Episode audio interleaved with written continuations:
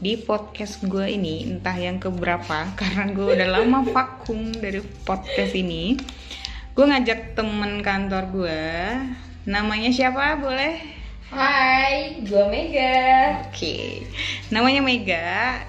Hari ini kita mau bahas tentang apa ya? Mungkin kita mau bahas tentang kebobrokan financial planning kita.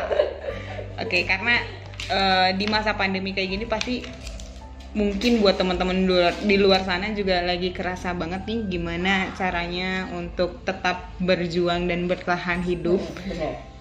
Oke. Oke, nih kalau lu sendiri, lu tipikal orang yang kayak gimana sih sebenarnya? Kalau gua sih tadi sebelumnya salahnya nih kita sebelumnya udah ngobrol duluan. Jadi ketika sekarang di record kayak udah abis bahan gitu. Bener, kayak udah. Kan tadi udah ngomong. Jelasin. nah jeleknya gua. Tadi gua cerita nih sama Mega kan. Gua itu tipikal orang yang tidak terbiasa untuk menabung jangka panjang. Jeleknya gua tuh itu gitu. Sama, gue juga bukan orang yang saving money yang sampai harus pakai yes bertahun-tahun untuk dapetin sesuatu tuh jeleknya Iya, gue dan iya, didikannya mungkin keluarganya gue juga sama. Iya. bukan yang harus saving money harus dapetin eh, uang. Eh misalnya dapet saving money untuk dapetin rumah misalnya. Terus saving money untuk dapetin kendaraan. Itu tuh yang gue nggak terima banget dari keluarga gue bener-bener sama gue juga gitu sih. Ya tanpa bermaksud menyalahkan. Cuma Ya. maksudnya didikan dan mungkin lebih kayak ke apa ya ya namanya anak pasti akan selalu eh, coping dari orang tuanya kan gitu. Dan secara pendidikan financial planning sebenarnya gue nggak dikasih lu tuh harus gini gini gini. Gue hanya lebih ke menyimak dan melihat apa yang dilakukan orang tua gue gitu. Dan memang yang kalau yang gue lihat dari orang tua gue adalah mereka tipikal orang yang tidak terlalu selalu menunjukkan apa ya nggak jumawa gitu. Maksudnya ketika lu punya duit ya udah gitu. Lu bisa beli apa yang lu pengen. Dan ketika nggak punya ya udah juga gitu. Lo hanya perlu eh, apa namanya nabung. Nah cuma kan maksudnya apa yang mau kita beli itu apa ya kayak hmm, range-nya memang tidak terlalu mahal ya maksudnya tidak terlalu nominalnya tidak terlalu besar lah gitu untuk nabung sebenarnya kayak gitu. Jadi lebih ke situ aja gitu. Eh, dan apa ya tapi setidaknya yang gue satu hal yang gue menurut gue sangat positif gitu yang gue pelajari dari mereka adalah mereka bukan tipikal orang yang ketika mereka nggak punya terus minjem. Yes sama memaksakan sesuatu gitu. Benar. Ya, sama, jadi sama, memang benar-benar eh, lo hidup berdasarkan dengan apa dan kemampuan Kemampuan yang lu, memang lo iya, bisa bener, gitu. bener. bukannya jadi maksain harus kelihatan wah gitu kelihatan Wah, orang di depan mobil, orang gitu. barang branded eh taunya lu kredit gitu Mm-mm. kan. Jadi eh, mereka lebih bertekan atau mereka lebih menekankan ke fungsi sih sebenarnya kalau misalkan nih kita ngomongin masalah tadi mobil atau apa pun gitu. Jadi eh, apa namanya? Kayak misalkan mobil pun gitu, ada masanya memang orang tua gua pun punya mobil ya yang biasa aja, bener-bener yang biasa aja gitu. Ada pada masanya itu pernah mereka punya carry gitu, Mm-mm. pernah mereka punya eh, espas kayak gitu-gitu. gila itu Serius. kapan banget tuh Jadi memang ya setidaknya keluarga gue nggak kehujanan gitu loh. Karena ya pada masanya kemampuan finansial orang tua gue Ya, sampai secara situ. cash cuma bisanya nyampe ke situ. Dan untuk misalkan lo pengen beli yang lain, mereka sama sekali nggak ngambil kredit, nggak nggak nggak ngajuin pinjaman Hmm. gitu, enggak. Nah itu yang akhirnya sampai sekarang gue lakuin juga. Maksudnya gue sangat eh, apa ya? le- lebih baik gue beli barang yang memang gue mampu beli saat itu dengan keuangan yang gue punya gitu Hmm. ibaratnya dibandingkan gue harus ngajuin pinjaman besar biar nantinya gue bisa eh, kredit atau apalah gitu. Karena gimana ya? Ya nggak tahu ya nggak nyaman aja sih sebenarnya. Cuma maksud gue bukan berarti orang yang melakukan itu salah ya nggak juga gitu. Cuma untuk gue sepertinya gue tidak bisa menghandle ketika gue punya kredit gitu. Karena gue masih mikirnya belum tentu nanti bulan depan gue punya eh, keuangan yang lebih baik. Hmm. ibaratnya kayak gitulah stabil gitu. gitu kan. Betul. Nah lebih ke situ sih kalau gue mikirnya. Eh gue punya pengalaman. Gue dulu punya sisi. Gue limit asal lo tau gue pernah limit dari 5 juta sampai 25 juta kalau nggak salah. Hmm. dari salah satu bank eh, swasta pas gue belum merit tuh kayak aduh awalnya gue gak mau pakai cuman kayak gue tuh dapet suggest gitu dari temen gue bahwa ya udah lu pakai aja sih kartu kredit Hmm. lu karena kalau lu belanja ke salah satu supermarket ini lu dapet promo Hmm. terus udah gitu kan lu bisa kayak lu belanja bulanan terus dibayar bulan depan lu belanja bulanan terus dibayar bulan depan gampang kok kayak gitu awalnya gue nggak mau pakai karena gue itu punya apa ya punya didikan dari emak gue kalau misalnya sekarang katakanlah kalau misalnya eh, gaji kita satu juta terus kita punya pinjaman nih. Dua ratus ribu lah katakanlah atau enggak seratus ribu lah katakanlah pinjaman kita. Sedangkan biaya hidup kita tuh udah diatur nih satu juta. Hmm. nah mencukupin yang satu yang seratus ribu atau yang dua ratus ribu ini dari mana? Ya pasti kan minjem lagi. Hmm. pasti berhutang lagi. Gue tuh selalu diomongin gitu sama emak gue kan. Terus sampai akhirnya karena gue termakan eh, bujukan temen gue itu gue lakuin tuh. Gue belanja ke salah satu supermarket itu pakai kartu kredit waktu itu masih gue belanja inget banget 300 ribu awalnya 300 ribu. Kayak ah gue kebayar kok bulan depan gaji gue gue gue gue bayarin. Sebulan pertama oke dua bulan pertama oke tiga bulan pertama gue udah keracunin. Anjir kayak gue pengen beli tas itu deh. Nah, tapi gue gak punya Iya. duit. Terus dia kayak edik ngerti gak sih? Kayak cuma segitu doang gue mampu beli kok. Terus udah gitu kita juga sama gajian terus ketutupin kok gitu. Sampai akhirnya gue waktu itu ingat banget pengen beli tas seharga 1,5 dan gimana caranya? Saat itu gue nggak pegang duit dan apa ya? Kayak aduh gue suka banget nih tas. Padahal gue nggak perlu Gua- bener gue nggak perlu banget. Sampai akhirnya gue bayar pakai kartu kredit itu. Dan lu tahu dasar bodohnya gue gue baru tipe orang yang nggak bisa pegang kartu kredit. Gue bayar itu kan kata orang pakai cicilan aja bisa. Hmm. jadi satu koma itu dicicilin jadi satu tahun gitu ya. Hmm. kan gue nggak tahu tuh saat itu gue nggak tahu. Tiba-tiba besokannya bulan besokannya otomatis kan gue harus bayar 1,5 kan? Hmm. sedangkan misalnya gaji kita cuma berapa? Lu bayang gak sih gue hidup satu bulan ke depan dengan sisa gaji? Karena beli tas itu gara-gara beli tas itu. Dan aja bodohnya gue tuh yang oh ya udahlah nggak apa-apa. Ntar bulan depan. Kan berarti kan sisa-sisa hidupnya gue pakai kartu kredit kan? Hmm. Sampai bener-bener gue ngerasa anjing nih kartu kredit nih ya. Bener-bener bukan nguntungin gue. Hmm. malah bener-bener semua keuangan gue hancur. Gue yang punya tabungan berapa sampai habis buat bayar kartu kredit. Sampai akhirnya gue patahin tuh kartu kredit pas mau pas mau merit serius. Serius gue patahin. Gue gue sampai telepon call centernya bahasa aku mau penutupan. Ngapain penutupan? Lu, lu tau lah Iya. orang marketing kartu kredit pembayaran kita oke. Dinaikin kan limitnya pas kita mau tutup tuh bang ibu kenapa? Gimana?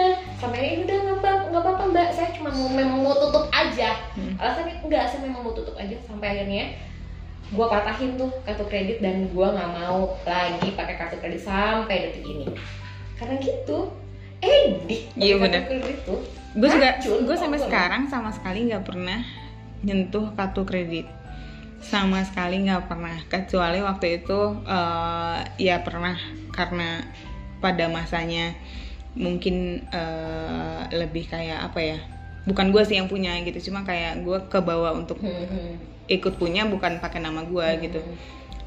kalau guanya udah sengaja daftar pakai nama gua gua nggak pernah sama sekali gitu Hmm. paling ada beberapa misalkan kayak pasangan gua misalkan yang memang pakai tapi gua pun sama sekali tidak menggunakan pada akhirnya gitu walaupun ibaratnya dipercayain ke gue gue sama sekali nggak menggunakan karena memang gue gue nggak suka. Secara sadar lu misalnya kan kayak kalau gue pengen beli barang itu tapi gue masih belum punya duitnya secara cash berarti kemampuan gue belum sampai untuk ke gue beli barang itu. Gue gue Oh. sih cuma mikirnya kayak gitu gitu. Nah untuk beli beli barang yang seperti itu gue lebih eh, gue biasanya sih gue lebih pengennya kayak apa ya gue mau apa eh, kayak gue bikin planning oh oke bulan kayak hal simpel deh kayak misalkan gue beli peralatan makeup gue gitu eh, lightingnya misalkan nih. Itu kan anggaplah misalkan si lighting itu harganya dua setengah juta. Nah waktu itu akhirnya gue gue mikir, oke, gue pengen beli lighting itu di tiga bulan ke depan, misalkan kayak gitu kan. Misalkan di tiga bulan ke depan gue harus punya lighting itu karena gue butuh buat ABCDE, misalkan kayak gitu. Akhirnya tiga bulan dari sekarang itu yang gue pikir adalah gimana caranya gue bisa dapetin duit yang nantinya nominalnya bisa bikin gue untuk beli si lighting itu gitu. Biar si lightingnya bisa kebeli gitu ibaratnya kan. Gue lebih gue lebih seneng kayak gitu sih sebenarnya. Kayak saving money untuk walaupun itu gitu. betul walaupun kalau orang-orang bilang pasti iya lo apa bedanya? Lo beli dulu sekarang terus nanti dibayarnya lo cicil kemudian gitu ibaratnya kan. Cuma kayak iya nah di satu sisi gue menyadari bahwa gue takut sebenarnya gue yang nggak bisa ngerem ketika gue pakai kartu kredit ibaratnya kayak gitu kan. Tapi di satu sisi juga alhamdulillahnya memang gue udah punya eh, apa ya kayak nggak boleh deh apa yang pengen gue beli. Kalau gue nggak ada duitnya secara cash berarti ya memang kemampuan gue belum bisa untuk beli itu. Gue sekarang mikirnya gitu. Selalu setiap gue pengen beli sesuatu nih pasti gue selalu mikirnya kayak gitu. Kalau secara duit cash gue gue beli itu dan gue masih safety untuk hidup gue selanjutnya berarti gu- memang gue bisa beli itu. Tapi ketika gue eh, gue pikir dengan gue beli itu hidup gue jadi terkeok-keok gitu ya. Kayak harus minum perma tiap hari betul. ya kan? Karena nahan lapar. Gue nggak akan beli gitu walaupun ada biasanya juga kadang nih syaiton nih gitu kan. Kayak lu tahu sendiri gue sih seneng banget beli sepatu gitu kadang kalau gue ngerasa eh, apa namanya? Duh gue pengen beli sepatu itu nih. Tapi eh, apa namanya? Kalau gue beli itu Gue nggak bisa jajan enak kasarnya gitulah gitu ya. Gue nggak bisa jajan enak. Tapi gue pengen beli banget gitu. Kadang gue suka ngikutin apa kata hati gue gitu. Karena yang sekarang gue pelajari adalah lo kerja capek-capek lo kerja eh, lo mengorbankan waktu dan tenaga lo gitu kalau lo nggak bisa bikin senang diri lo sendiri ya berarti lo kerja buat siapa sih Iya. gitu? Lo kerja buat apa? yourself. itu kan? Nah kadang jadi gue mau lakukan pembelaan diri oke ini self reward aja buat gue gitu maksudnya. Ketika gue ngerasa gue beli sesuatu dan gue seneng ya berarti badan gue pun merasa dihargai dengan apa pun yang udah gue kerjakan gitu. Gue mikirnya gitu kan. Sampai ya gue kasihan malah justru gitu ya banyak banget gitu. Kayak misalkan kemarin nih eh, kemarin-kemarin gitu. Eh, kayak gue ngeliat eh, ya mungkin nggak salah ya untuk beberapa pasangan gitu. Cuma maksudnya kayak gue ngeliat eh, ada pasangannya pengen beli sesuatu nih. Ya ibaratnya suaminya pengen beli sesuatu. Terus udah gitu kayak dia nanya aku beli ini boleh nggak? Gue nggak tahu ya kalau dalam rumah tangga ya mungkin apakah harus seperti itu atau tidak gitu. Cuma gue mikirnya harusnya nih kalau yang sekarang gue pahami nih ya yang namanya lo suami dan istri ketika sebelumnya lo menikah pun kan lo sudah punya kehidupan masing-masing sendiri kan. Gue sih lebih mikirnya kayak apa pun yang pengen lo beli ya lo beli aja gitu. Iyalah. Toh sebelum lo ketemu sama gue pun lo sudah terbiasa dengan pola eh, apa ya? Ya pola konsumtif seperti itulah kasar kayak gitu kan. Setidaknya ya memang eh, apa namanya ketika ketika ketika lo menikah apa ya kayak waktu itu gue pernah bilang apa? eh ketika lo menikah itu lo harus tetap jadi Dalam- diri lo oh, sendiri. yes. Ketika lo menikah ibaratnya gini ket- eh, gimana sih? Gini, yang yang ya oh gini. Kalau kan gini kita itu harus mencari pasangan yang memang benar-benar eh, istilahnya kayak gelas full gitu. Ah gitu, ha, gitu. Nah kalau misalkan nih, eh oke lah kita ngomong misalkan kita suka ngasih ke orang tua misalkan gitu. Hmm. Kalau sebelum lo menikah, lo ngasih orang tua lo 7 juta misalkan. Ketika ketika sebelum menikah lo ngasih orang tua lo 7 juta. Bukan berarti nanti setelah menikah lo Lo ngasih orang tua lo ya 4 juta dan akhirnya lo ngasih ke istri lo 3 juta nggak gitu gitu. Kalau gue mikirnya lebih ke ketika lo ngasih orang tua lo 7 juta, ya berarti ketika menikah lo sudah siap untuk eh, melakukan atau memperhitungkan pengeluaran lain tanpa mengganggu apa yang biasanya lo eh, lakukan gitu. Kayak gitu gitu. Ketika lo menikah pun gitu berarti lo sadar oh oke eh, ibaratnya gue tetap bisa jadi diri gue sendiri gitu. Ibaratnya dengan membeli apa pun yang pengen lo beli tapi di sisi lain lo harus cukup sadar bahwa lo punya pasangan yang hidup bersama. Lebih ke situ aja sih. Lebih ke apa ya bukan bukan berarti akhirnya lo dilarang untuk beli sesuatu lo tidak bisa beli sesuatu gitu. Cuma Iya, sampai bener-bener pengen beli apa ya ibaratnya nggak bisa beli gimana ya kalau gue masih mikirnya lo nggak bisa beli karena lo Nggak diizinin sama diizinin sama gitu. istri lo ya gue merasanya kasih ya bukan kasihan sih cuma emang kenapa sih? gitu tapi emang gitu nggak sih lo dulu gimana Enggak sih kalau kalau gue ya untung eh, pasangan gue dulu, maksudnya lama-lama suami gue dulu tuh dia tahu banget gue kayak gimana. Dia tahu sebelum sebelum nikah. Memang gue tuh orangnya konsumtif abis. Hmm. Gue tuh tipikal orang yang gak mau dilarang. Ya namanya juga ya udah jadi bentukannya kayak Hmm. gitu. Hmm. Lu tahu sendiri kan. Kayak sekarang juga kayak gue tuh merasa suka edan emang Hmm. iya. Terus kalau misalnya gue mau belanja nih ya, karena gue tuh prinsipnya, eh dia tuh punya prinsip gini. Kalau dalam satu pernikahan, istri kerja, suami kerja, uang istri uang istri, uang suami ya uang istri juga. Hmm. Karena gua, karena dia mungkin sudah terpola pemikirannya kayak gitu, jadi uang dia kasih ke gue, ya gue belanja biasa aja, Hmm. kayak tidak ada yang berkurang gitu. Selama gue mau nik, selama sebelum nikah sama selama pernikahan, kalau kalau kalau gue pribadi ya tidak ada yang berubah. Gue beli apa ya gue beli. Hmm. Cuma pas waktu gue punya anak tuh yang rada berubah, yang awalnya misalnya gue beli baju dua gitu kayak lebih mikir eh mending beli beli buat anak gue gitu Hmm. bedanya cuma itu aja sih tapi kalau misalnya yang kata lu tadi "Hmm, nanya dulu pasangan gue boleh nggak ya enggak kalau gue Hmm. lu emang nggak gitu kalau gue suka ya beli Hmm. gue suka beli gue nggak suka ya enggak kadang malah malah gue yang belanjain yang laki gue Iya.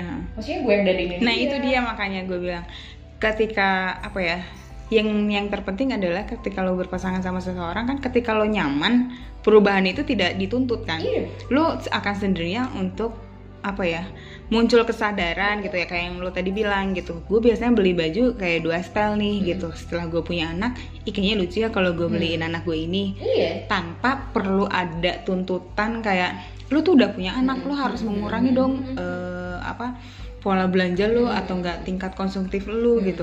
kan nggak dengan gitu. Maksudnya ketika lu udah nyaman dan ketika lu udah eh, udah udah menerima hidup lo gitu oh oke lu menyadari bahwa oh oke gue sekarang punya suami nih. oh sekarang gue punya anak nih. Akhirnya sudah terpola sendiri. Betul. tuh. Jadi apa ya? Si keuangan itu juga akhirnya juga ya udah ngikutin Iya, aja betul. gitu. Tanpa tanpa perlu dilarang, tanpa perlu dituntut kan. Gue sekarang menyadari itu sih maksudnya gue bukan tipikal orang yang ngelarang pasangan gue Hmm. untuk lu nggak boleh beli ini lu nggak boleh itu lu tuh kemarin baru beli ini kok sekarang lu, lu udah belanja ini lagi sih gue sama sekali eh, nggak pernah terucap dari bibir gue kayak gitu sih nggak pernah ya kalau yang gue rasa ya cuma nggak tahu pasangan gue menyadari itu apa enggak. Cuma yang gue sadari gue sangat tidak pernah untuk mengucapkan itu karena gue percaya lu hidup udah 29 tahun gitu ya ibaratnya gitu. Lu pasti sudah cukup tau lah gitu kemampuan diri lo dan kemauan diri lo Iya. itu kayak gimana ibaratnya gitu kan.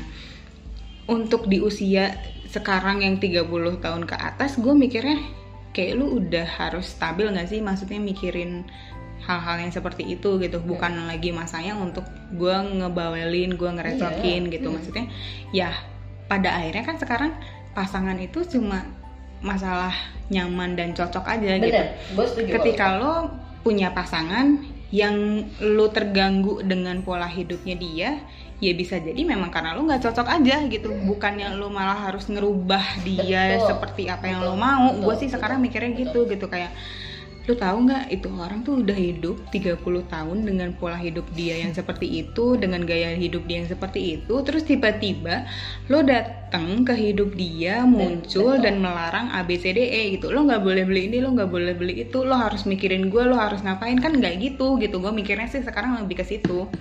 Makanya balik lagi nih ke masalah financial planning gitu. Aduh. Jeleknya gue memang karena gue tidak terbiasa menabung dengan nominal yang besar gitu. Gue pernah nabung untuk eh, DP rumah waktu itu. Gue pernah nabung sampai akhirnya karena kan kebetulan memang ya gue punya sampingan juga kan gue ngerias juga.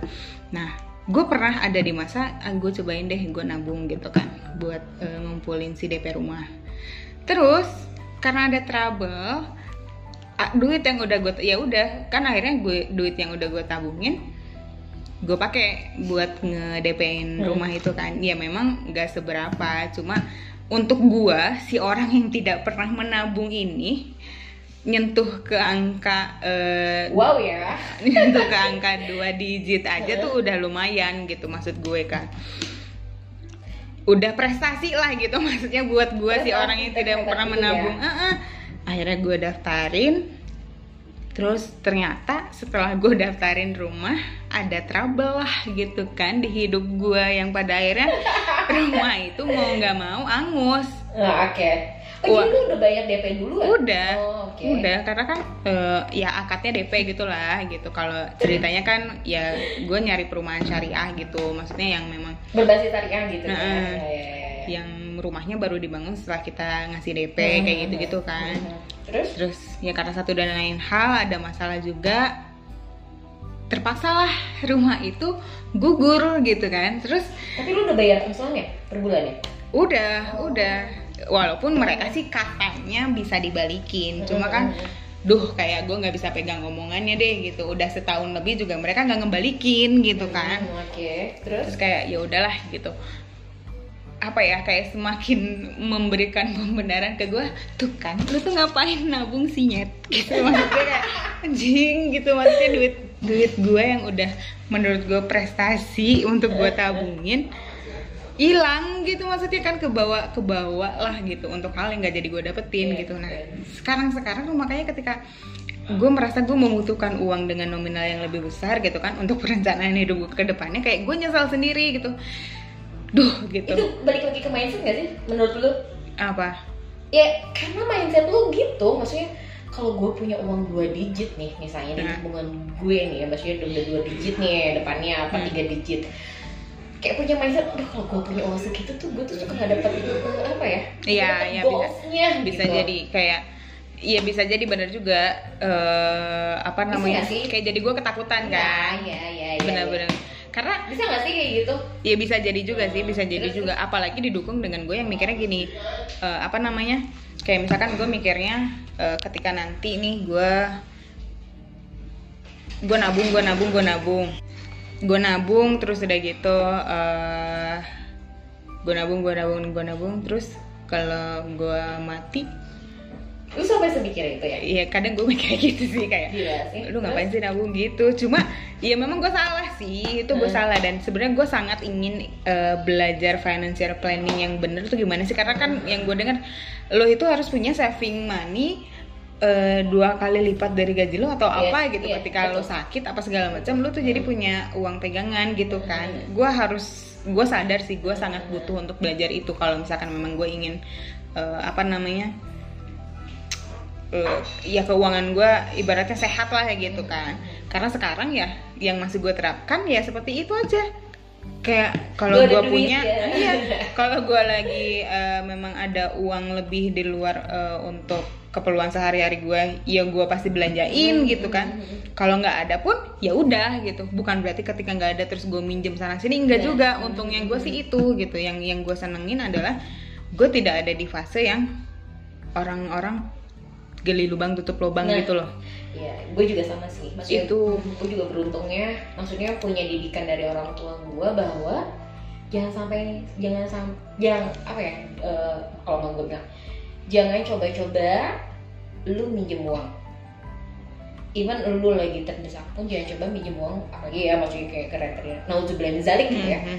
Jangan jangan jangan dibiasain untuk minjem karena itu tuh kayak addicted kayak Hmm. gitu pasti lu pengen minjem lagi pengen minjem lagi pengen minjem lagi pengen minjem lagi gitu sih makanya iya iya ya memang memang memang eh, ajarannya emak gue itu adalah lu beli semampunya lu lu Benar. nggak mampu ya jangan lu beli Hmm. sampai uang lu cukup ya lu beli Hmm.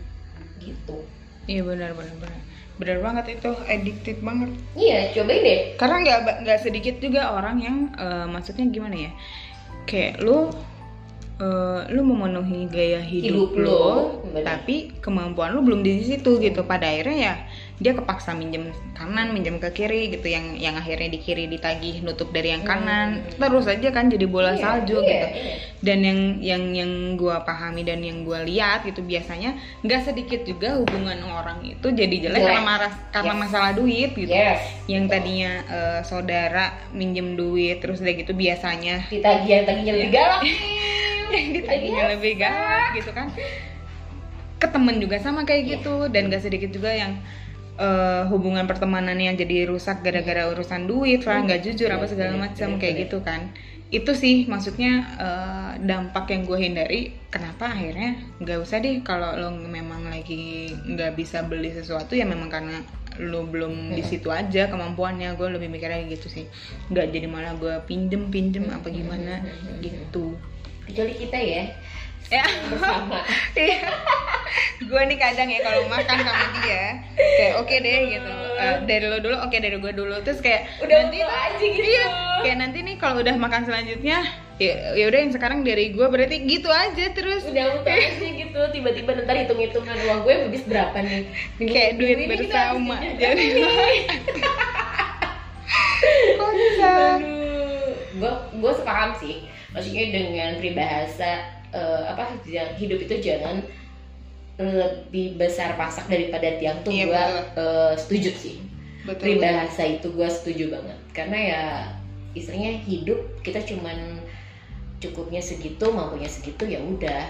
Ya nah dan untuk sebenarnya ya memilih lingkungan pun itu sangat penting Iya, betul betul betul betul ketika lo sadar lo harus sadar dulu sebenarnya kemampuan Bener-bener. finansial lo semana, gitu. semana bener bener ketika memang lo berada di lingkungan yang baik dan lingkungan yang tepat untuk lo ya tepat bukan dalam artian penilaian norma sosial keseluruhan enggak Hmm. maksudnya tepat untuk lo dan cocok untuk lo mungkin dari gaya hidup mereka juga mereka seimbang dengan Hmm. gaya hidup lo gitu lo pasti lebih terbantu untuk eh, memiliki keuangan yang sehat Hmm. dibandingkan dengan lo maksain diri untuk ada di level pertemanan yang jauh di atas lo secara pengeluaran gitu. High class biasanya nanti kayak muncul nih sedikit-sedikit gengsi-gengsi gitu. Kalau misalkan pasti. kitanya nggak kuat iman ya gitu kayak mereka mau ke mana terus akhirnya ih kalau gua nggak ikut nanti enak, gimana? gitu kan. iya kayak gitu-gitu. dinyirin. kecuali lo tipikalnya memang bisa bodo Iya, amat itu sih sebenarnya lo mau sama siapa pun ya nggak masalah Iya, gitu. iya, intinya lo harus memahami dulu nih diri lo dan kemampuan lo tuh segimana sebatas gitu. apa gitu Betul, ya sebatas apa. kerasa banget sih maksudnya. Kayak apa misalkan eh biasanya ada nih dalam satu perkumpulan beberapa orang kan ya mungkin karena entah eh, apa namanya kemampuan finansialnya nggak nggak seimbang dengan yang lain gitu. Dengan ketika gaya hidup kali ya? Iya dengan gaya hidupnya mereka gitu. Terus paling repot nih kalau udah ngomongin masalah liburan Nih bener bener bener. Yang satu pengen ke sono Nah. karena biar eksis di insta biar insta instagramnya apa sih? Iya insta instagramable gitu kan. Biar postingable gitu Iya. kan. Kayak gue pengen ke sini nah cuma si satu ini nih biasanya kayak duh pasti secara nggak nggak langsung lu akan melakukan pertimbangan nih daripada gue liburan 10 juta gue sebenarnya bisa lebih pergunakan nih si 10 juta gue ini untuk ABCDE E hidup gue nah itu kan sebenarnya yang harus lo pertimbangkan ketika lu memilih lingkungan pertemanan lu gitu. Tapi kadang gengsi yang suka ngalahin semuanya. Iya kan? Si gengsi Aing itu bisa banget. kita mau ke mana? Liburan ke sana? Yuk udah budgetnya berapa? Aing bisa banget nih tanpa memperdulikan. Gue tuh sebenarnya perlu ini perlu itu perlu ini perlu itu. Gengsi sih ya Iya, sebetulnya. Dan kalau gue sih ngebayanginnya pertemanan yang sehat itu ketika lo bisa dengan jujur ngomong gue nggak ikut ah gue nggak punya duit. Nah. Dan teman-teman lo juga fine gitu. Iya, benar nih nggak apa-apa. dan teman-teman lo juga nggak jadi yang malah ih dia kasihannya nggak punya duit tuh yuk bayarin aja bayarin. Hmm. maksudnya apa ya ya mungkin bisa jadi aja ada yang kayak ada gitu. yang cuma eh, cuma kalau gue ngebayanginnya Ada kayak oh oke deh kalau gitu gue cari destinasi lain yang bisa lo ikut berarti ke mana nih gitu. Maksudnya kan lebih komunikatif gitu enak kan ketika ada yang eh, ada yang mampu dan kurang mampu kasarnya kayak gitu. Lebih enak aja ngebayanginnya. ya kalau Iya. Mbak Tejo. Iya. Solutif. tuh Hmm. gitu kan. Enak aja gitu maksudnya ketika lo bisa dengan jujur mengatakan keadaan lo kayak apa gitu. Duh gue kemarin habis beli ini gue nggak mungkin nih ikutan kalian buat beli ini apa segala macam gitu. Nah biasanya kalau peer group juga mau nggak mau kan jadi bagi rata gitu Bener, kan. bener. ada yang ulang tahun kayak misalkan gitu. Beli kado lah apa segala macam gitu. Kan mau nggak mau tau ya. gak itu tuh jadi apa ya? Kalau kata gue ya, kalau misalnya satu kayak satu pertemanan, terus lu gila yang lu ulang tahun, terus kita kasih surprise hadiah dan segala bla bla bla bla bla. Mau nggak mau itu bakal jadi toxic setelahnya. iya kan Karena lu bakal harus mengulangi itu, misalnya lu bergeng tujuh orang, Hmm. dan itu harus melakukan hal yang seperti itu Nah, iya, iya, tujuh iya. kali kan berulang. Masih mending lu ada duit. iya Kalau ada duit gimana cuy? iya bener jadi kayak kalau sekarang ulang tahun gue diginiin berarti dia ulang tahun harus gue gituin Iya. dong gitu kan kayak apa ya balas budi mana Iya. masa gue ngeluarin uang buat lu lu nggak mau Iya. ngeluarin uang buat gue pertemanan balas budi nah Iya. sebenarnya nggak masalah sih ketika memang lo kemampuan Iya, betul. visual apa kemampuan finansial lo di situ sebenarnya nggak masalah paling banget nggak masalah cuma ketika ada orang yang terbebani nih nah misalkan itu ya sebenarnya komunikasiin aja Hmm. gitu bukan berarti kayak ih lo tuh gimana sih? Kemarin lo ulang tahun kita giniin kok sekarang dia ulang tahun lo nggak ikutan sih misalkan eh, apa ngasih kado atau Hmm. apa gitu. Jangan sampai ada pemikiran kayak gitu Iya. kayak ya udah sih terimain aja. Maksudnya kayak oh ya udah nih orang ulang tahun kita kasih kado ini ya berarti emang udah rezeki dia Iya, segitu. iya. ketika Jangan lu ketika iya ketika ketika gue yang ulang tahun iya udah jangan menuntut sama aja gitu. Kayak enak aja gitu maksudnya punya pertemanan yang kayak gitu. Iya tapi ya nggak banyak juga kali ya yang Iya, bener-bener. sepemikiran kayak gitu yang punya pikiran kayak gitu kan kayaknya Heeh. Heeh. apalagi untuk zaman sekarang yang benar-benar segalanya ya harus show off orang tahu Hmm. terus belum lagi kalau ih anjir temen gue habis beli tas ini nih aduh Alemong. racun racun tuh toxic tuh udah mulai tuh toxic toxic kecil tuh Hmm. lu aja gimana Oh, iya. Lu beli sepatu itu eh harga sepatu lucu deh iya kan ya cuma beruntungnya gue gue bukan tipikal orang yang sangat amat dekat dengan peer group gue sih sebenarnya gitu. Karena gue menyadari kalau gue takut gue takut nggak nyampe aja sebenarnya mah gitu. Gue takut nggak nyampe aja dengan eh, rutinitas dan aktivitas mereka gitu. Maksudnya yang pergi ke sini pergi ke situ secara waktu memang gue juga tidak selalu bisa ikut gitu kan secara finansial juga untuk saat ini gue sadar pengeluaran gue akan le- jauh lebih banyak untuk orang tua gue gitu. nah itu akhirnya yang gue harus sedikit agak sebel maksudnya kan ketika orang tua gue pun juga ya ya gue sama kayak mereka gitu. Tidak memiliki tabungan yang cukup eh yang cukup untuk memenuhi semua keinginan ya bukan bukan kebutuhan ya jadi ini aja maksudnya oh berarti nih gitu nanti ya gue nggak boleh bertambah tua dengan keadaan gue yang sekarang gitu. Makanya tadi kenapa gue bilang gue butuh sebenarnya buat belajar financial planning yang baik itu seperti Betul, apa. betul betul. Gitu. Semua orang kayaknya butuh deh. Iya harusnya kan. Harus ya memang. Apalagi nanti yang kalau misalnya kita udah punya anak satu punya anak dua punya Hmm. anak tiga kebutuhannya kan pasti beda-beda tuh. Hmm. kayaknya memang harus belajar dari sekarang deh. Hmm, hmm. iya gua personal pun juga belum belum pernah tuh belajar kayak yuk saving uang untuk eh, misalnya eh, satu tahun ke depan atau dua tahun ke depan apalagi kayak kita punya anak harus ada dana tabungan untuk sekolah benar-benar ya Allah Oh, anak untuk- sekolah ya Iya, bener. sekarang Untuk aja udah berapa iya untuk sekolah untuk misalnya untuk eh, apa ya namanya kesehatannya dia Hmm, hmm. even kalau misalnya bukan sakit kita beli multivitamin lu tahu Hmm. nggak sih Hmm. multivitamin zaman sekarang berapa Hmm. Itu harus ada budgetnya nggak bisa kita ambil mesti kayak kalkulasi dari gaji kotor kita lah Hmm, istilahnya hmm, brutonya gaji kita tuh kan nggak Hmm. mungkin kalau misalnya kita nggak ada kayak pos-posnya kan Hmm. kita mau ngambil dari pos mana lagi Iya. nih kalau misalnya memang kita nggak belajar Hmm. finance kayak gitu finansial untuk kehidupan kita ke Hmm. depannya itu gimana Nah ini gue jadi inget nih gara-gara cerita lo tadi Lo pernah dengar nggak yang memang ya rezeki itu udah diatur gitu kan hmm betul Dan? Mm. hmm, rezeki itu udah diatur dan kenapa sih orang itu lo lebih harus mencari berkah dibandingkan dengan eh, nominal kasarnya gitu deh kalau udah urusan kerja gitu kan karena yang gue rasain gitu dan yang eh, gue dengar dari orang-orang pun Hmm. gitu kayak kasarnya gini kalau memang rezeki lo sudah harusnya 10 juta dan lo digaji 10 eh enggak kalau misalkan memang rezeki lo harusnya 10 juta nih lo digaji di kantor cuma 5 juta gitu. Lu lo pasti akan dapat 5 jutanya entah dari pintu Iya. mana pun. bener. Gue Gitu kan? dan again balik lagi kalau misalkan memang rezeki lo 10 juta gaji lo 20 juta yang sisanya 10 lagi itu pasti akan keluar bener dengan apa pun yang gak lo duga entah lo sakit kayak entah lo kehilangan barang Iya. gitu.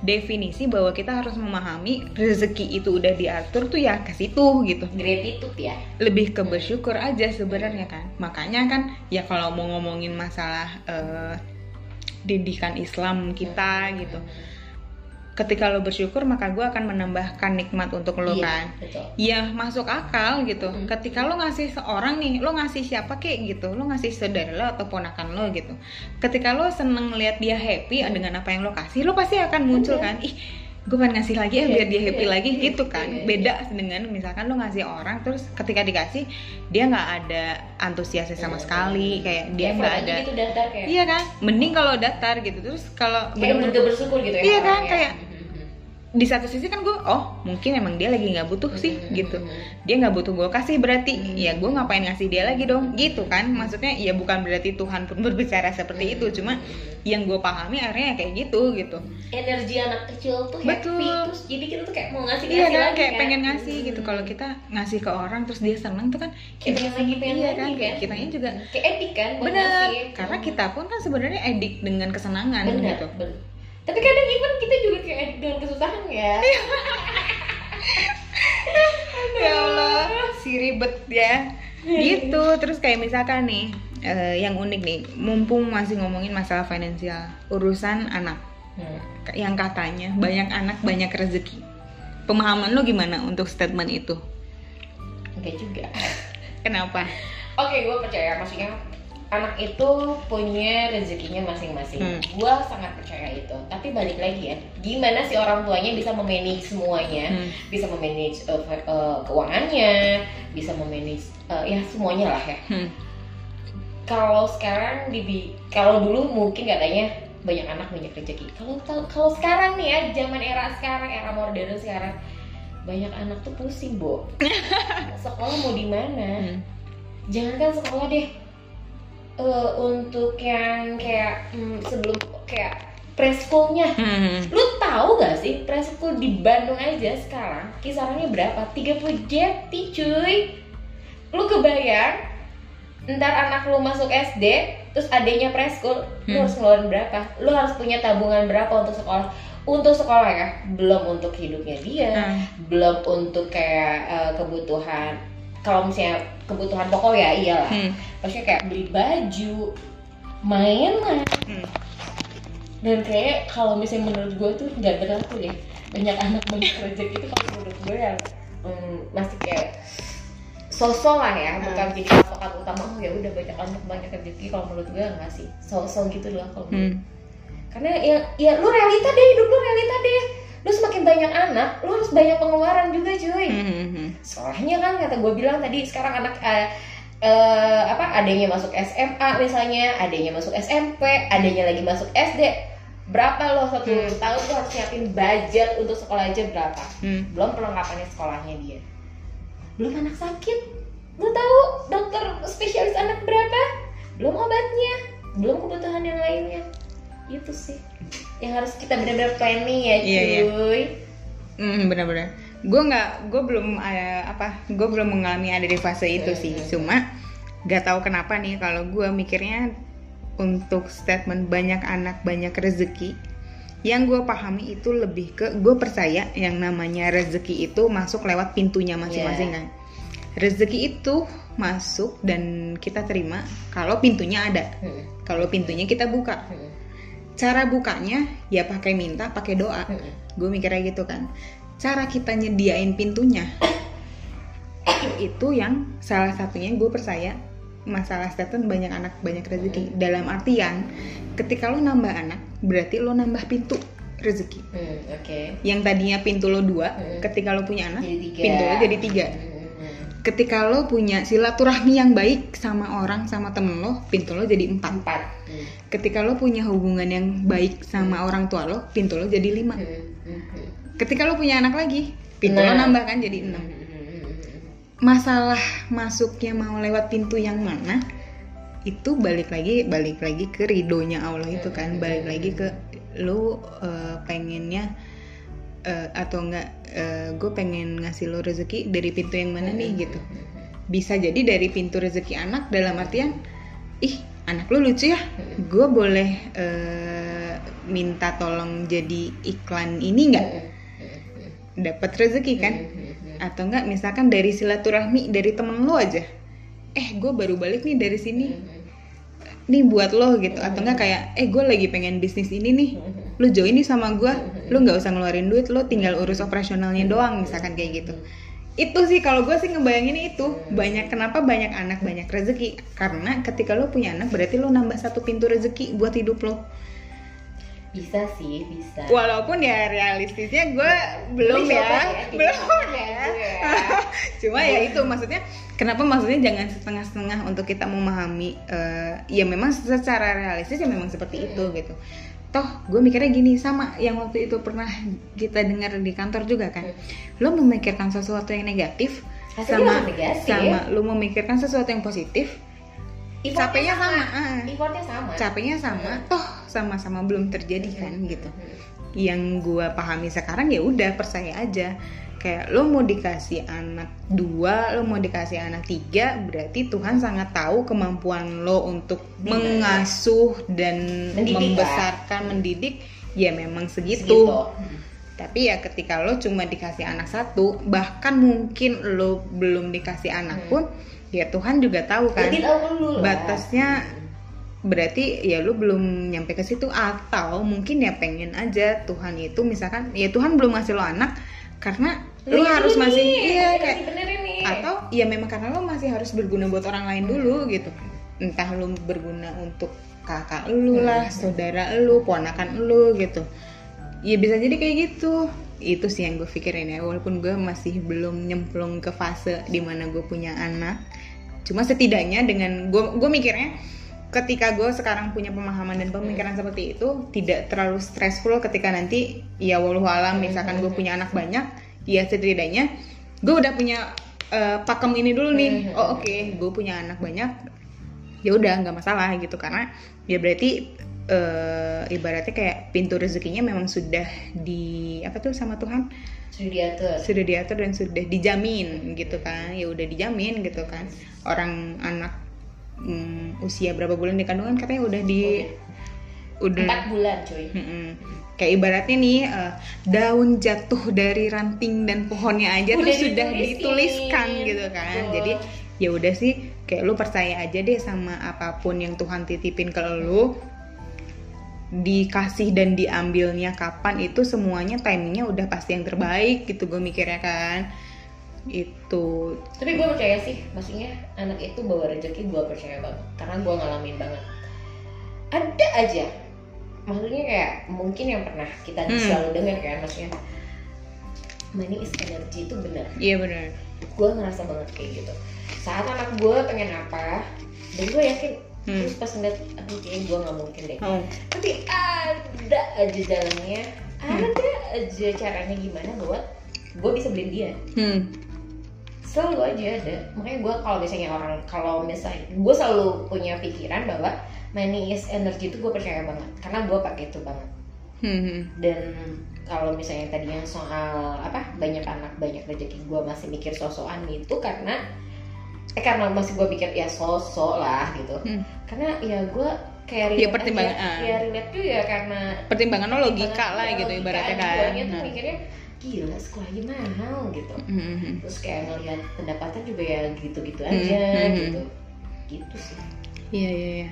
Seru sih kalau masalah ngomongin kejutan dari Tuhan tuh oh kan. banyak banget gue banyak banget, banyak banget sampai akhirnya memang yang gue rasain sekarang ya udah lo pasrahin hidup lo sama Tuhan tuh dalam artian lo tidak tidak mengunci timing gitu maksudnya gue harus Yes. gue harus punya ini di sini maksudnya itu hope oke Hmm. gitu cuma maksudnya ketika misalkan memang Tuhan berkendak itu lebih cepat gitu atau mungkin lebih cepat kan nggak masalah gitu kan kita nggak ada yang tahu gitu. Walaupun ibaratnya kayak secara pertimbangan logika ih gue pengen gue pengen beli mobil itu. Tapi secara pertimbangan logika gue kayaknya gue dua tahun lagi deh baru beli mobil itu kekunci. Iya bener. Iya. Iya kan, dua tahun lagi lo baru punya. Tapi ketika lo ngomong, ih gue pengen punya mobil itu, kapan pun Tuhan percaya ini tuh buat gue, gue pasti bakal nerima dengan happy. iya. Ya udah, jadi lo jangan mengunci waktu. Walaupun ibaratnya kayak orang tuh suka ngomong, iya lo harus punya planning dong buat Iya, hidup lo apa segala macam gitu. Nah kalau sekarang, karena apa ya, gue mikirnya Tuhan tuh sedang menyadarkan gue dengan kecukupan yang gue punya ibaratnya gitu kan. Jadi dalam artian gue pengen menargetkan sesuatu tuh kayak gue nggak berani gue nggak berani untuk bulan ini deh bulan itu deh. Gue sekarang nggak berani gitu. Nggak berani karena gue mikirnya ketika ketika Tuhan kasih gue cepat dengan mempercayakan rezeki yang dia kasih entah lewat mana gitu ya berarti memang itu waktu yang terbaik buat gue gitu. Tapi ketika gue dikasih lama pun ya memang itu juga yang terbaik buat gue gitu. Bener bener. Lu percaya nggak? Gue tuh orangnya kayak takut sama planning. Nah nah. Gue tuh hidup gak punya planning sih. Sampai even kalau misalnya lu tanya besok ngapain? Enggak gue gak ada planning kayak gue takut aja gitu untuk planningin sesuatu. Kayak lu takut nggak nyampe ke situ nggak sih? Iya. Ya udah sih kayak hidup itu ya jalani syukurin dan sadari sebetulnya hidup itu ya disadari. Gue tuh lagi sekarang lagi gini lagi kayak Hmm. sekarang gue sadari gue lagi ngomong sama lu. Nah terus udah gitu ya udah disadarin ya dijalanin. Hmm. udah dijalanin ya disyukurin. Iya. Kayak apa ya kalau gue tuh kayak takut aja gitu untuk planning. Entah Hmm. kenapa? Mungkin untuk beberapa orang mm, punya pikiran kalau orang nggak punya planning itu kayak nggak punya arah tujuan. Iya. ya itu mungkin mungkin mungkin dibenarkan gitu. Tapi eh, jujur gue tuh tipikal orang yang nggak punya planning. Hmm. hidupnya ya mungkin itu salah juga nggak tahu ya. Ya. Tergantung persepsi orang-orang gitu. Ya gue gak ada planning gue ngapain besok juga gue nggak tahu. Mhm. nggak tahu. Ya udah sih gue jalanin aja. Gue gue sama kayak lu ya gue sangat eh, kayak ibaratnya gue tidak terlalu mikirin jauh Iya. gitu maksudnya gue jadi apa segala macam. Sampai akhirnya sampai akhirnya pasang pasangan gue menanyakan mengenai planning gue kayak lo tahun segini mau jadi apa? Lo eh, kayak resolusi kayak- kalau orang iya, kayak punya ha, ha, resolusi tahun depan jadi apa? Gue tuh kagak punya anjir. Dan gue auto ngeblank sih maksudnya pas ditanya oh oke. Anjir maksud gue kayak anjir hidup gue senggak terarah ini Iya. ya walaupun gue sadar maksudnya salah juga sih kalau menurut Iya. gue ya gitu gue tuh nggak punya planning anjir gitu maksudnya kayak eh setahun lagi gue mau ngapain kayak gue pengen punya Apa? anak di tahun Iya. kapan gitu kan kayak lu pengen udah gue gue pengen bikin usaha gitu kan. Lu di tahun berapa akan memulai itu tuh dia tuh tipikal yang harus jelas Oh, gitu kan. oke, maksudnya yang oke. yang perencanaannya itu harus jelas. banget gitu betul ya. gitu. Karena ya itu tuh kayak eh, apa ya goals yang harus diraih gitu. Ibaratnya kayak apa yang mau lo raih kalau lo nggak nyimpen goalsnya di depan Iya, gitu iya, kan. iya, iya. masuk akal dan Masuk gue setuju sebenarnya. Iya, gue iya, setuju iya. tapi maksud gue PR di gue dan harus kerja kerasnya gue adalah oke lu kebayang gak sih? Maksudnya gue hidup 29 tahun dengan gue yang seperti ini terus gue tersadarkan bahwa nyat lu tuh harus punya planning nih gitu. Gue tuh sekarang bener-bener yang oh oke nih. Apa ya? Tiap hari tuh gue kayak mikirin lu tuh maunya jadi apa sih? gitu. Gue tuh selalu mikir ke diri gue gitu apa yang lo jalanin ini tuh beneran apa yang lo pengen lo laluin? Apa lo cuma sekedar ngabisin waktu doang sih sebenarnya buat hidup lo gitu. Gue mikir gitu sampai akhirnya oh iya ya kayaknya yang selama ini gue jalanin cuma biar hidup gue nggak ada kos nggak kosong, nggak aja, kosong gitu. aja gitu kayaknya gitu kan kayak gue kerja nih bener nggak ya gue tuh pengennya kerjanya ini gitu Iya. pengen yang yang lo pengen lakuin sebenarnya apa sih gitu Hmm. sampai akhirnya gue sadar nih oh oke gitu gue gue tipikal orang yang gue seneng ngobrol tapi gue tidak seneng basa-basi sama Hmm. orang nanti nggak sih lo gue nggak terlalu to seneng sama point. bener kayak gue nggak seneng ngobrol sama orang baru sebenarnya itu sama kayak kayak gue Iya kayak gue gue nyaman ngobrol ketika lo sudah tahu orangnya lah gitu Hmm. maksudnya atau enggak memang konteksnya ngobrol gitu bukan basa-basi kayak gue ngundang orang nih buat gue ajak ngobrol di sini gue masih fine gitu tapi ketika lo temuin gue sama dia di suatu Tempat, event nah. atau enggak di suatu tempat untuk basa-basi ngabisin waktu gue agak mikir karena gue belum sepercaya dari eh, sepercaya diri itu maksudnya buat ngobrol kan. Terus sampai akhirnya gue eh, tiap hari tuh gue berusaha mencerna gue tuh pengennya apa gitu kan. Terus gue sadar maksudnya pas eh gue lihat di YouTube gitu kan yang kemarin gue lihat eh, yang kemarin gue bilang gitu gue ngelihat channel YouTube-nya Simba Analisa itu kayak ih anjir. Aing pengen nih jadi kayak Iya. gini kan tapi pada akhirnya yang mungkin gue gue sadar kok gue pengen untuk seperti itu tapi kayak batasan-batasan di diri gue nih yang Lu membuat itu diri lu kan? limitasi dari diri gue yang akhirnya untuk gue nggak melakukan itu. Kayak misalkan nih kalau gue pengen ngelakuin yang dia lakuin gitu gue pengen punya channel YouTube dan gue pengen punya eh, sesi di YouTube mengenai apa kayak ngobrol apa segala macam banyak limitasi di gue itu yang kayak misalkan duh nyet alatnya tuh mahal misalkan kayak gitu. Lo harus butuh alat-alat yang proper misalkan. Iya. lo harus butuh eh, apa ibaratnya kayak eh, kemampuan untuk manage channel lu tuh kayak gimana gitu kan. Eh, buat lu editing dan lain-lain gitu. Limitasi yang muncul dari gue tuh kayak teknis kayak gitu gitu. Pada akhirnya membuat itu tuh cuma harapan ngerti gak sih lo? Kayak nggak mungkin di ah ah," Debu gitu, gitu kan. ya. kayak duh gue pengen ini. Ya udahlah kayak nggak mungkin deh gue ngelakuin itu gitu gitu. Cuman sekarang sekarang dipikir-pikir karena ya itu karena gue tidak mau membatasi ini kejutan yang Tuhan kasih buat gue gitu. Kayak gue hanya sebatas gue pengen kayak gini nih. Lu tarik energinya. Iya kan? Kayak gue pengen suatu saat entah eh, entah kapan waktunya yang memang tepat untuk gue untuk gue bisa kayak gitu gitu terus kayak gue bilang kan sama lo gue tuh pengen punya salon Hmm. dalam artian karena memang gue orangnya seneng nyalon kayak seneng aja. Tapi apa ya? Gue pengen punya salon karena memang gue pengen ngedekor juga gitu ngedekor ruangannya gitu kan.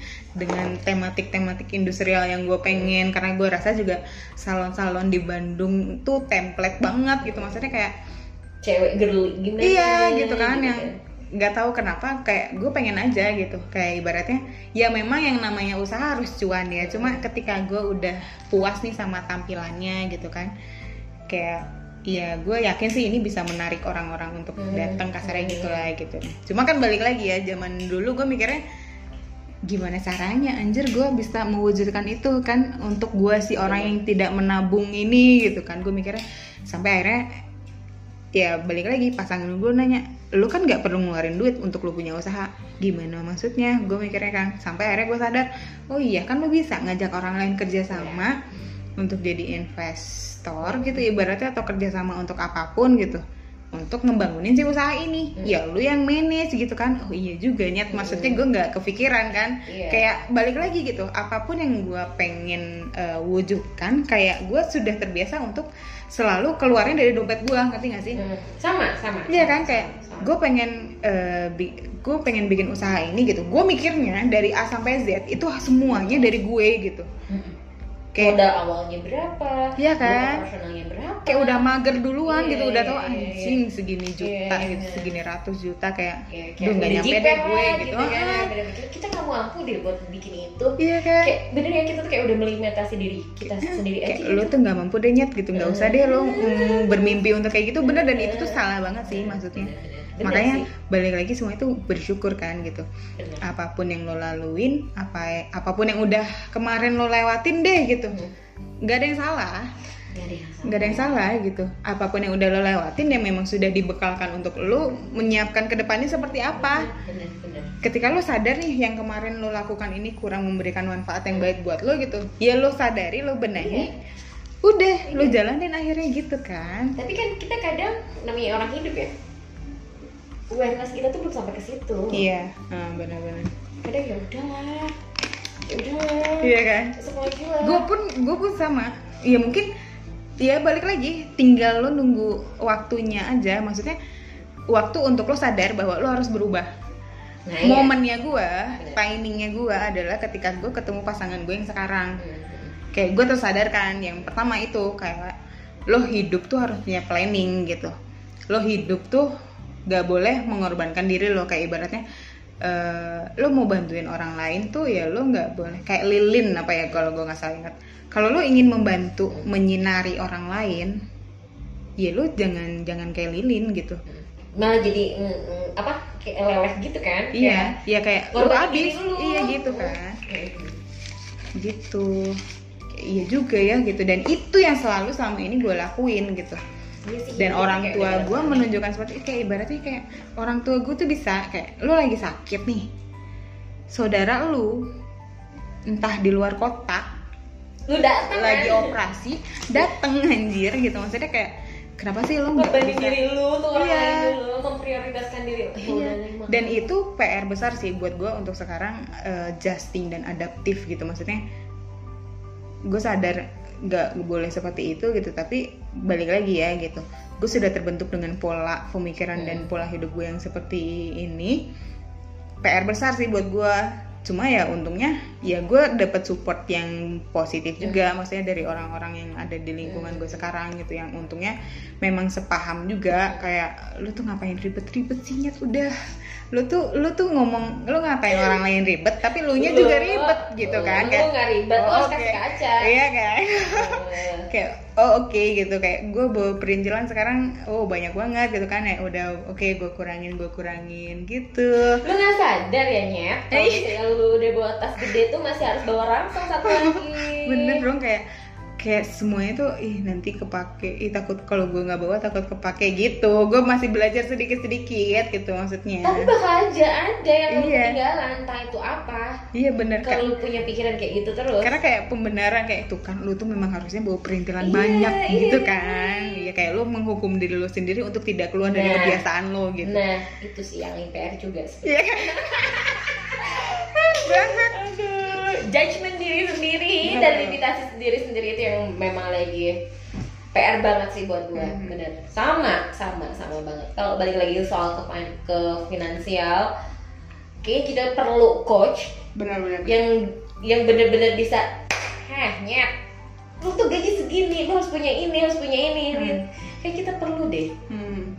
memang eh, apa ya, pengarahan Hmm. untuk soal finansial kita yang anaknya nggak punya planning benar-benar benar kita kan namanya tiba-tiba yang nggak punya planning besok ngapain juga kayaknya kita ya udah beli beli aja mau menghadap ada duit ya udah beli beli aja Iya bener. deh. Ih, seru ya kayaknya kalau kita ngundang orang buat ngejelasin financial planning buat anak-anak di kantor. Yes. Da- Apalagi keadaan lagi kayak gini kan Iya, maksudnya bener. pemasukan juga mungkin tidak sesehat biasanya, iya. pengeluaran juga mungkin bisa jadi lebih besar dari yang Iya. sebiasanya mereka keluarin gitu. Eh tapi gue pernah pernah baca eh, jurnal kalau eh, keuangan dunia itu benar-benar sehat di 2002 Oh my god. Kebayang gak sih kita tuh masih tetap harus berusaha, bekerja, effort yang luar biasa sampai satu tahun setengah ke depan. Ya benar-benar. Dan ya balik lagi sih ya kita harus bersyukur karena untuk kita berdua dan mungkin teman-teman yang lain di kantor pun masih sangat diberikan kesempatan untuk kerja Hmm. gitu. Di luar sana tuh kan banyak banget orang yang survive dan bahkan mereka mengalami PHK Hmm. dan lain-lain Hmm, lah iya, gitu. iya. Gue nggak kebayang aja gitu maksudnya banyak tulang punggung di luar sana Iya, yang gimana ya yang lagi berjuang buat iya. ngehidupin keluarganya keluarganya. gitu maksud gue kayak gue salut aja Bukan hanya satu dua. dan banyak pasti Iya, gila iya banget.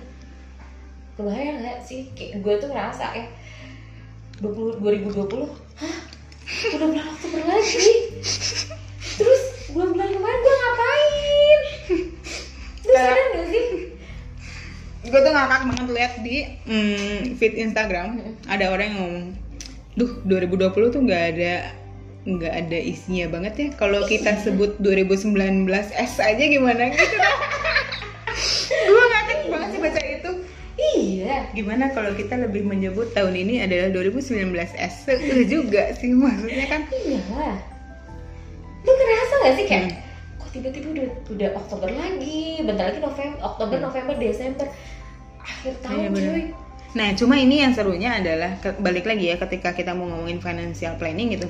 Ini itu eh, pandemi ini tuh sebenarnya wake up call banget buat semua orang.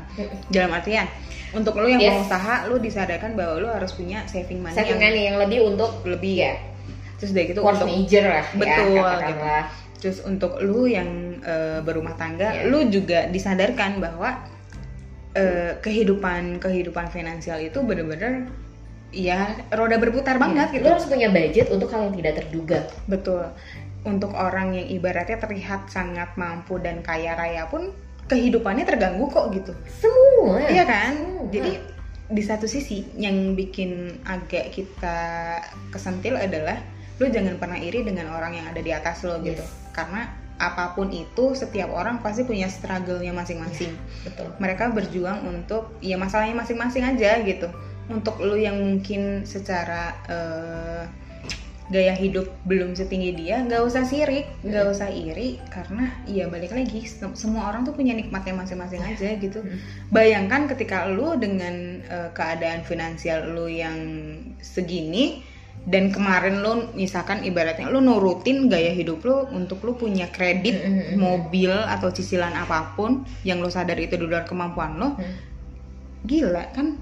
Gila sih kebayang lagi gimana caranya lo harus nanggung cicilan mobil nutup. lu yes.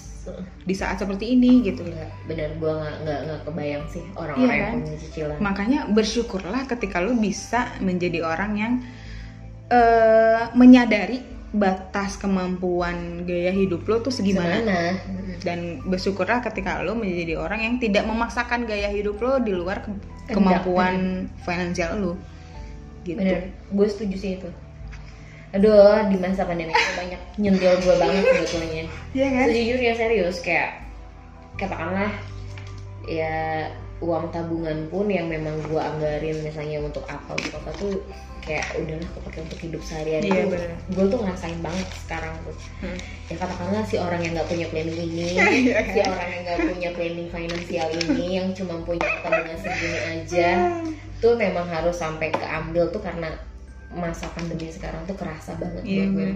bener kayak untuk beli barang yang ya apa sih cuma itu doang gitu kayak harus mikir ah beribu-ribu kali Hmm. untuk beli itu tuh kayak gue tuh belajar banget sih di masa pandemi sekarang jangan kan beli yang kayak jangan kan untuk beli barang tersier gitu ya kayak Mhm. beli barang pokok aja nih ya gue Hmm. jujur sama lu apalagi emak-emak ya yang maksudnya yang kayak disebut anak yang biasanya Hmm. untuk ini brandednya ini harganya segini kayak lebih mikir ah fungsinya sama kok iya kan buat mandi Mm-mm. ya udah sih gue beli yang biasa aja bener tuh anak gue nggak iritasi Ya. kayak gitu loh kayak orang tuh sekarang lebih disadarkan bahwa lu tuh hidup sesuai barang tuh sesuai dengan fungsinya. Lu tuh lu tuh cukup beli barang yang lu lihat fungsinya untuk Yes. apa aja gue bukan tuh tersadarnya itu gengsinya. serius gue tuh kayak lagi belajar tersentil sama pandemi, dari masa pandemi itu soal kayak lu tuh barang sesuai eh, fungsinya aja sih nyet. Ngapain sih lu beli barang branded biar kelihatan dari sama orang wow lu hebat. Hmm. wow lu beli barang selalu bagus.